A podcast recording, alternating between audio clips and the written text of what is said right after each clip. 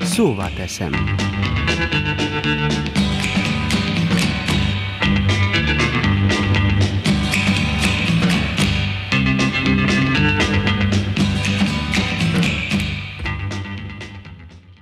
Jó napot kívánok a tisztelt hallgatóknak! Úgy jött, mint derültékből a villámcsapás, mondaná öreganyám, ha még élne. Így jött hétfőn délelőtt 10 órakor a hír, hogy Márián Serec kormányfő lemond. Habár, habár már egy kicsit benne volt a levegőben, hogy valami nem stimmel, hogy valami készül, hiszen egy kisebbségi kormányjal vezetni az országot, amikor a koalíciós pártok, sőt, már saját embereid is hátat fordítanak, az ellenzék pedig állandóan gáncsod vet a lábad elé, nem lehet, illetve nincs értelme. Na és akkor most, egy és fél év után újra ott vagyunk, ahol a part szakad. Tehát sehol, és még legalább egy évig nem is leszünk, hiszen addig akár a jelenlegi parlamenti felállás alakít kormányt, akár előrehozott választások lesznek, nem történik semmi. A pártoknak, illetve az új kormánynak legalább ennyi idő kell, hogy rendezzék soraikat, hogy elkezdjenek dolgozni. Nálunk ugyanis a pártoknak az fontos, hogy saját érdekeiket, nézeteiket helyezzék előtérbe, sajnos nem az ország helyzetének javítása és az állampolgárok jóléte az elsődleges céljuk.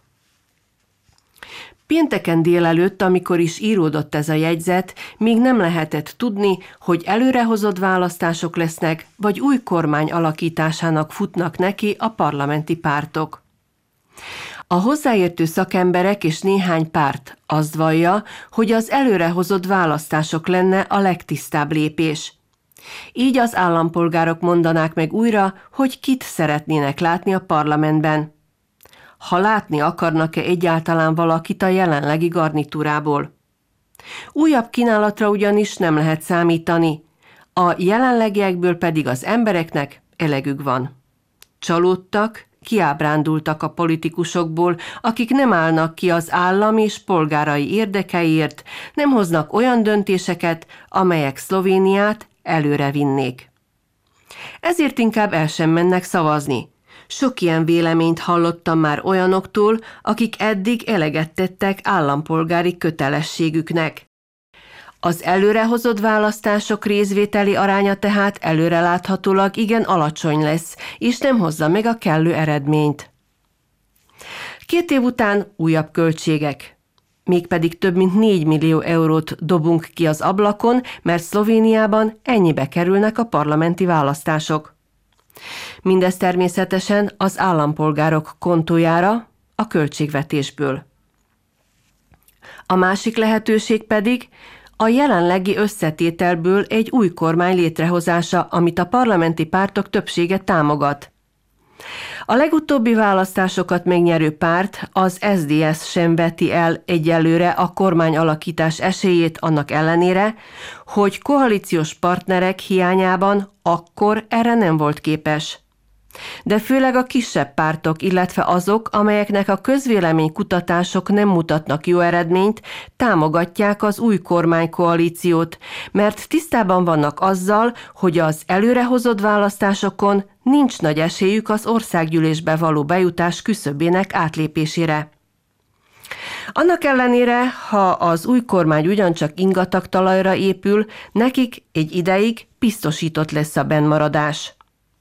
Az már nem igazán érdekli őket, hogy tudnak-e hatékony munkát végezni, vagy sem. Aztán majd kezdődik újra az egymásra mutogatás, mint most is, mert mindenki okozója volt a jelenlegi káosznak, csak éppen ők nem.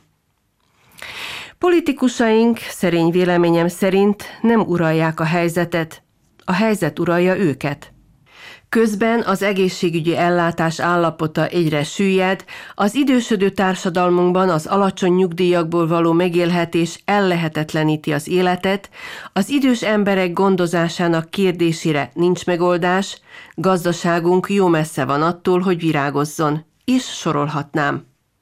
De a homokozó tele van, és a benne játszadozók nem csak egymáséba, de a mi szemünkbe is homokot szórnak.